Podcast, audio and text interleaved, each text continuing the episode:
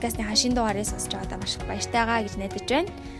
За ингээд энэ удаагийнхаа дугаар гурван хэсгээс бүрдэх байгаа.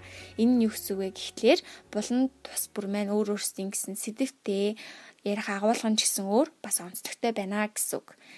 За ингээд эхнийхээ хэсэг рүү орохоос өмнө хэдүүлээ өмнөх дугаараа баг зэрэг сэргийн цаны ягаад гэвэл өмнөх дугаарын маань яригдсан зүйлс одоо ч гэсэн эхний болонд маань холбоотой учраас а хэрвээ та манай өмнөх хоёр дугаарыг сонсоогүй бол биднийг SoundCloud-аас болон Castbox-оос хайж олох боломжтой. Psychology for Mongolians гэд манай нэрийг бичээд хахад манай хоёр дугаар гарч болно. За хоёр дахь дугаар дээрээ бид юу ярьсан бэ гэхлээрэ сэтгэл судлал гэдэг зүйл маань яг ямар хөгжлийг туулж яваад шинжлэх ухаан болсон юм бэ гэдэг талаар ярилцсан. А мөн сэтгэл судлал баримталдаг гол гол сонгодог онолуудын талаар ярилцаж за тэдний хоорондын ялгаатай байдлын талаар өөр өөрсдөө ойлголттой болсон. А хэрвээ та бүхэн санаж байвал мөн дугаарынхаа төгсгөлд сэтгэл судлалын хандлагуудын талаар буюу перспективүүдийн талаар ярилцсан байгаа. За энэ хандлагуудыг сэргийн санья тэгээд ихнийхээ дугаарлав ингээ орцгоё.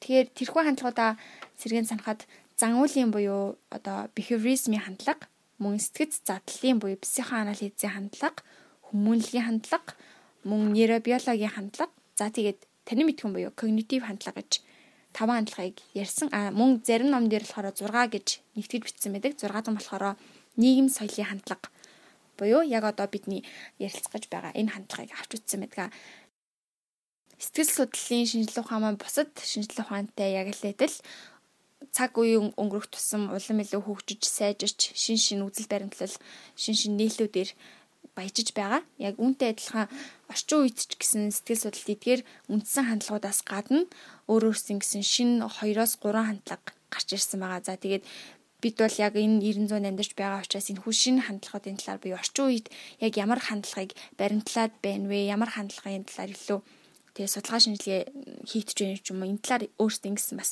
зөв хэмжээний мэдээлэлтүүнтэй байх хэрэгтэй гэдэг үднээс та бүхэндээ эхний булангаараа сэтгэл судлалын орчин үеийн хандлагууд гэсэн сэдвэр ярилцах гэж байна.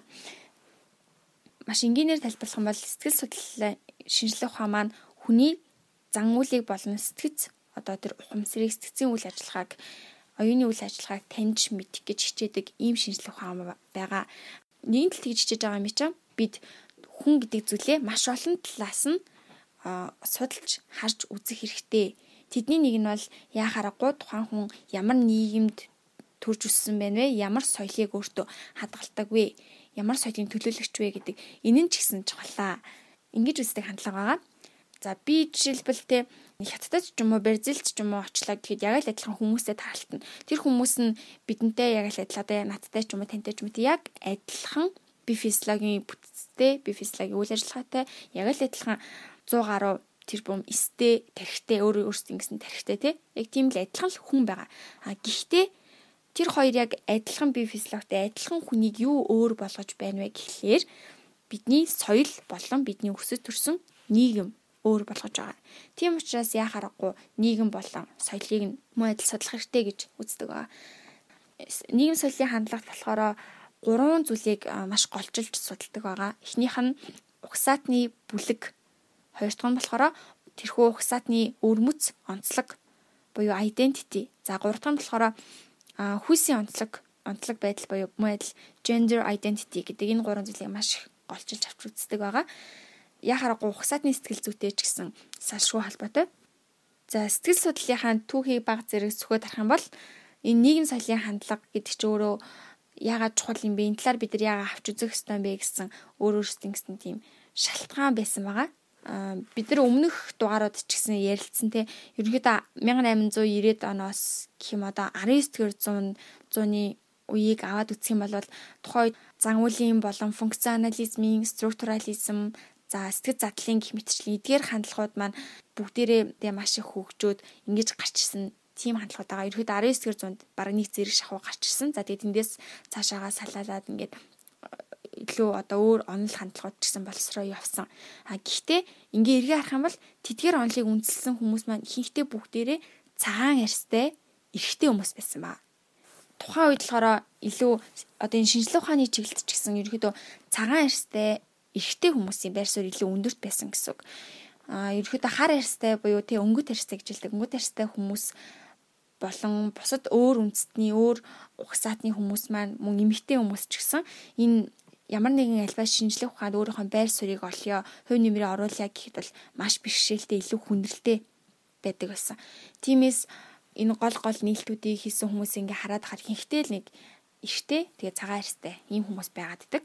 Аа тэгээд 1890-ад оноос эхлээд бусад өөр угсаатны төлөөлөл болсон энэ хүмүүс энийг анзаараад тэгээд өөр өөрсдийнхөө дуу хоолойг ч гэсэн өөр өөрсдийнхөө хувь нэмрийг ч гэсэн шинжлэх ухаанд оруулах хүсэлтэй гэдгийг илэрхийлээд янз бүрийн хөдөлгөөнүүд болон янз бүрийн тийм уриалгууд маш ихээр явагдаж эхэлсэн. Түүхийн утсыг одоо сөхөөд үсэх юм бол хамгийн анхны докторийн зэргийг авах үс шаардлагыг хангасан эмэгтэй сэтгэл судлаач бол Christine Ladd Franklin гэдэг хүн байт юм байна.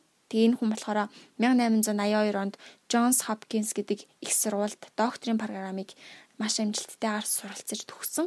А гэхдээ тухайн үеийн багш нар нь одоо сургуулийн удирдлагууд нь хөвчлэн эрэгтэй хүмүүс байсан учраас өө эмэгтэй хүн ерөөсөө ийм эрдмийн өндөр зэрэгтэй докторийн зэргийг авах боломжгүй энэ бол байж болохгүй зүйл гэж үзээд түнд докторийн зэргийг өгөөгүй байт юм байна.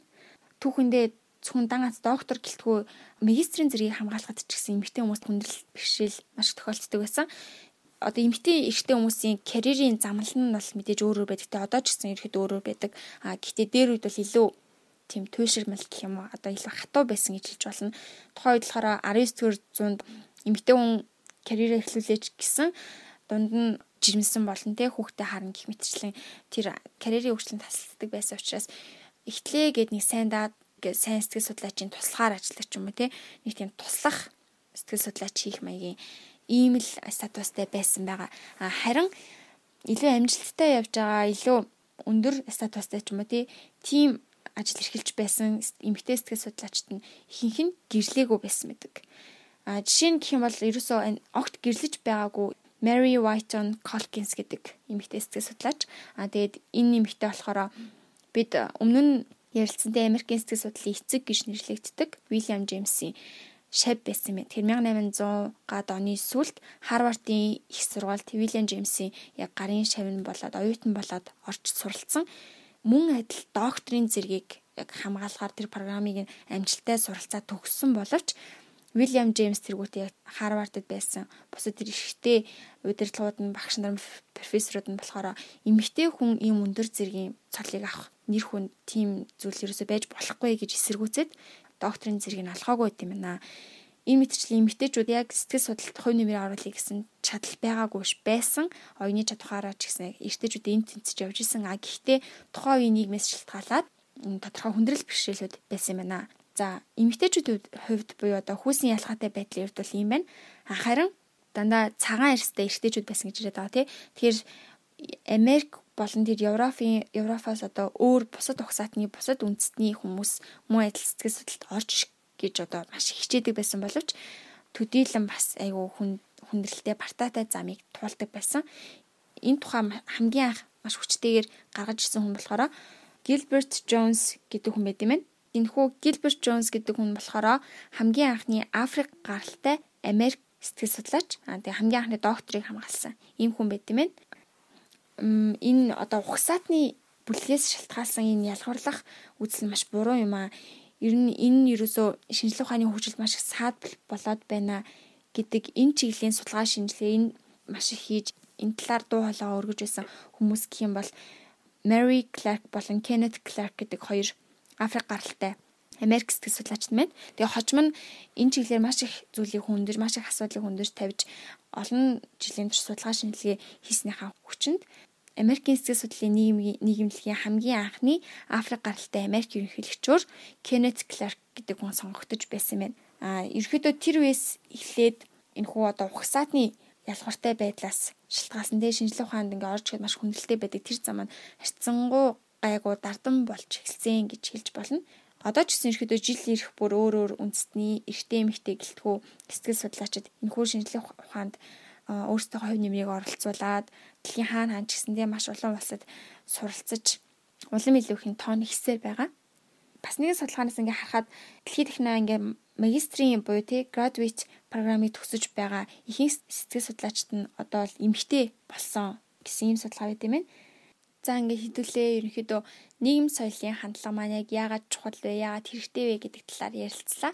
Мэдээж орчин үед бол нийгэм соёлын хандлагын талаар өөр өөрсдөн гэсэн тодорхой хэмжээний мэдтгэн ойлголттой байх хэрэгтэй. За тэгэхээр одоо хоёр дахь хандлага руугаа орцгоё. Хоёр дахь хандлага маань болохоор evolutionary psychology буюу одоо монголоор орчуулах юм бол хувьслын сэтгэл судлал гэдэг ийм хандлага байгаа. Магадгүй та сэтгэл судлалын ном сурах бичих ч юм уу альсвал ямар нэгэн артикл мэдээ уншиж байхад энэ үг хэлэхдээ маш их таарлах байх. Evolutionary psychology ч үе бас нэлээд чухал тооцогддог ийм хандлага байгаа. За гол суурь idea тэг гол суурь үзэл санаа нь юунаас эхэлсэн бэ? Улбаатай вэ гэхлээр Charles Darwin-ы хувьслын онолд тулгуурлаж хөгжсөн байдаг бид нар одоо Facebook пэйж утас дээр нэг зураг оруулсан байгаа л та. Тэгээд тэр зургийг харах юм бол бидний яриад байгаа энэ олон онолууд, үзэл санаа, хандлагууд маань болохоор он цагийн хувьд те хаанаас хизэнээс би бинээсээ аль нь салааж аль нь яаж үүсч хөгжсөн бэ гэдгийг хөрхөн ингээд томилоод харуулсан тийм зураг байгаа. Тэгээд тэндээс харах юм бол Charles Darwin-ы энэхүү хувьслын онолоос нэлээд хэдэн бас сэтгэл судлалын онолууд өөр өөртөөхөө санааг авч хүний сэтгэц зан үйлийг тайлбарлах гэж оролцсон байдаг. Тэдний нэг нь бол функционализм, за мөн одоо энэ хувьслын сэтгэл судлал байгаа. Өөрөөр хэлэх юм бол сэтгэл судлаачид энэхүү Чарльз Дарвины хувьслын онолд тулгуурлаад амтны зан үйлийг ойлгоход хамгийн оновчтой илүү хялбар байх болно гэж үздэг. Хувьслын сэтгэл судлаачид болохоор энэхүү амтны зан үйл гэдэг ойлголтонд амтан гэдэгтээ хүнийг ч гэсэн мөн адилхан багтааж байгаа.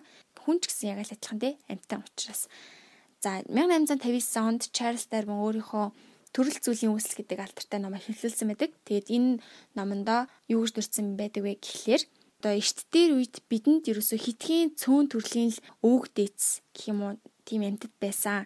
А тэгээд тэр нь цаг хугацааны туршид байгалийн шалгарлын ачаар өнөөгийн энэ олон төрөл зүйл болж ингэж үүсч хөгжиж салбарлаж олон олон төрөл зүйлийг бүтээсэн гэж үздэг. Энэ санаагаа төвчүүлж гаргасан байдаг. Тэгэхээр хувьсын сэтгэл судлаачид юу гэж үздэг вэ гэхээр бид нэгэн талдээ одоо энэ орчин үед амьдарч байгаа энэ хүн гэдэг зүйлийнхаа энэ хүн гэдэг амьтны сэтгэл зүй, майнд, оюун ухааных нь зан үйлийнх нь нууцыг тайлахыг хүсэж байгаа бол тэдгэрийн мэдхийг хүсэж байгаа бол гол төлхөр нь ерөөсөө өнгөрсөн тэр өвөг дээдсийнхаа тухай судлах юм а гэж үздэг. А жишээлбэл хэдүүлээ нэг энгийн жишээн дээр яриад үзье л да шинээр ингээ хүүхд төрлөө гэж бодъё те. Тэгэхээр тэр хүүхд төрөнгөтлаа мэдээж бүх зүйл шинэ учраас маш их зүйлийг суралцсан. Юунд баярлд юм бэ? Юунд айд юм бэ? Юу эрэг сэтгэл төрүүлд юм бэ гэдэг тэтгэр зүйлсийг хүртэл суралцж идэг. А гэтэл могоо гэдэг зүйлээс айх хэрэгтэй юм байна гэдгийг маш амархан суралцдаг. Харин сандал ширээ ч юм уу те үзэг харандаа тийм зүйлсээс айх шаардлагагүй байна гэдгийг бол угаасаа мэдчихэдэг. Энд дээр жишээлбэл хуслын сэтгэл судлаачид юу гэж тайлбар өгдөг вэ гэхээр хүн төрлөختөн ингээ хувьсах явцдаа магадгүй тэр могоо гэдэг зүйлд маш олон удаа очоод ингээ хатгуулад үтцсэн аль хэзээ тэр зүйл аюултай гэдгийг ингээ хувьслахын хавцад маш олон удаа үтсчихсэн. А тэгээд тэрхүү туршлага нь бидэнд хадгалагдаад орчин үед ингээ бидэнд одоо хүртэл тэр нэг инстинкт гэх юм уу те тэр зүйл бидэнд байдгаа гэж үздэг. Тийм учраас бид нар могоог ингээ харахаар цаанаас нэг айдаг чихүүц төрдөг ч юм уу те тийм байдаг гэж хувьсын сэтгэл судлаачид тайлбарлалт юм байна. Энд нэг сонирхолтой зүйлийг дөр өмнө нь ярьсан байгаа функционализмын онолыг ярьсан. Америкийн сэтгэл судлалын эцэг ижлэлээд байгаа тэр Вильям Джеймс болохоор муу адил энэхүү Чарльз Дарвины хувьслын онолыг баримталдаг. Энэ онолоор дамжуулан хүний зан үйлийг тайлбарлахыг маш их оролддог байсан. Тиймээс тухайн үеийн функционализм нь ерөөсөө орчин үеийн хувьслын сэтгэл судлал юм а гэж эрдэмтэд бас үзэж тайлбарладаг байгаа а бас нэгэн хувьслын сэтгэл судлалаар тайлбарлаж болох үс сонирхолтой зүйл гэх юм бол орчин үеч гэсэн айгүйх яригддаг хүүсийн ялгаатай байдлын талаар тайлбарлаж болно. Эмэгтэй хүний сэтгэл зүйн онцлог, эрэгтэй хүний сэтгэл зүйн онцлог яагаад өөр байд юм бэ гэдэг талаар хувьслын сэтгэл судлаачид ямар тайлбар өгөх вэ гэхлээр бид анханасаа ингээд хүн гэдэг төрөл зүйл үүсэж бий болоод ингэж хувьсах явцтай энэ олон он жилийг туулах явцтай эмэгтэй нь болохоор өөр өөрсөн гэсэн өөрийн хариуцлагыг авч явдаг байсан. Эхтэн ч гэсэн анханаас авахлаад өөр өөрсдийн гэсэн үүрэг хариуцлага хүлээж тэдний хийх үйл ажиллагаа ч гэсэн өөр өөр байсан. Тэдний аваад байгаа тэр дарамт үүрэг хариуцлага өөр өөр байсан учраас энэ нь маш олон жилийн турш үргэлжилсэн. Тиймээс эмэгтэй хүний сэтгэл зүй арай өөр онцлогтой, эрэгтэй хүн ч гэсэн арай өөр сэтгэл зүй онцлог ялгаатай байдалтай гэж хувьслын сэтгэл судлаачид тайлбарлалт юм байна. За ингээд evolutionary psychology буюу хувьслын сэтгэл судлалын талаар ерөөдөө товчхон ярилцлаа. За хэрвээ энэ талаар илүү уншиж судлахыг хүсэж байвал цаашаа өөртөө бас бидээс судлаад үзээрэй. Маш сонирхолтой гэдгийг бас хэлмээрээ. За 3 дахь орчин үеийн хандлага буюу өнөөдөр эхний болонгийн маань хамгийн сүүлийн ярих сэдв маань болохоор positive psychology movement буюу эерэг сэтгэл зүйн хөдөлгөөн гэсэн үг. За эерэг сэтгэл зүй гэвэл магадгүй сэтгэл судлалын шинжилгээ ухааныг сонирхдаг хүмүүстэй хамгийн их чихэнд наалтаж буужиж магадгүй. Яагад бол сүүлийн 10 20 жил ерхэд бол 2000 оноос хойш гэх юм уу энэ эерэг сэтгэл зүй гэдэг зүйлээр хүмүүс маш их анхаарал хандуулж энэ чиглийн номнууд за тэгээ хувийн хөгжлийн номнууд ялангуяа маш их бичигдэх болсон. Тийм учраас энэ бол танд хэдийний танил сонсогдож магадгүй. Гэтэ яг хаанаас яг яаж үссэн бэ гэдгийг нь хэлье гэж бодлоо.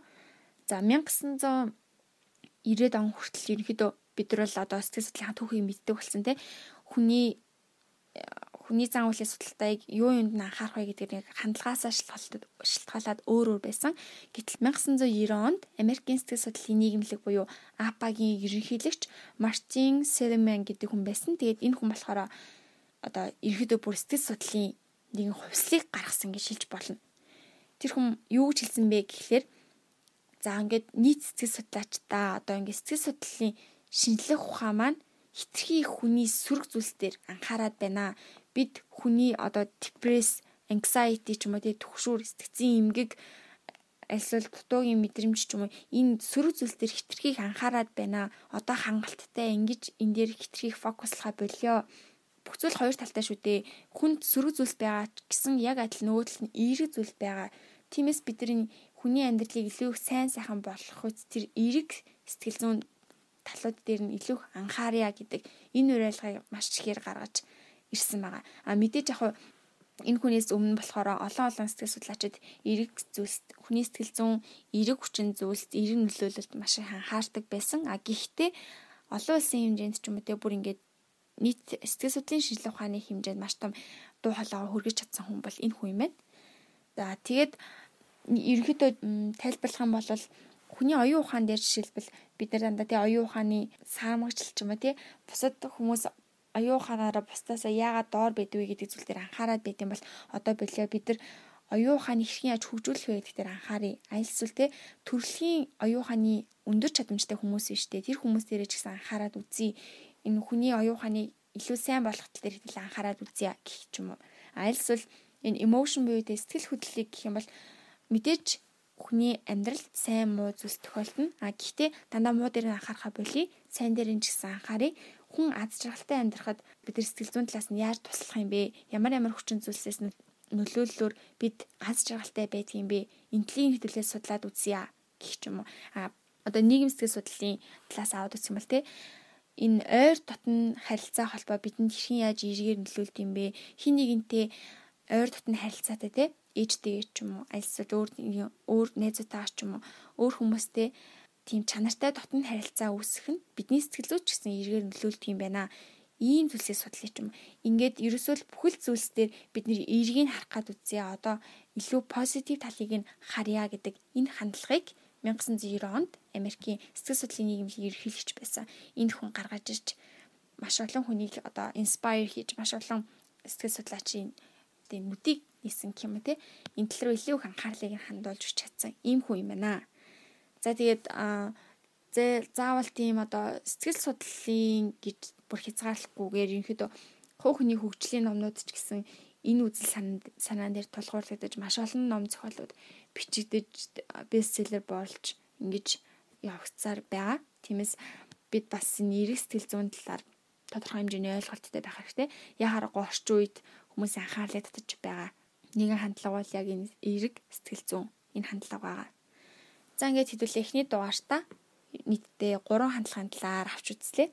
Эргээд нэг санах юм бол нийгэм соёлын хандлага яг яагаад чухал юм бэ гэдэг талаар ярилцсан. Хоёр дахь нь болохоор evolutionary psychology буюу хувьслын сэтгэл судлал гэдэг нэг сонирхолтой хандлагын талаар авч үзлээ. Гурав дахь нь эерэг сэтгэл зүйн талаар буюу positive psychology гэж юу юм бэ? Энийхэн анх яаж гаргаж ирсэн юм бэ? Гол үзэл санаа нь юу вэ гэдэг талаар товчхон дурдлаа.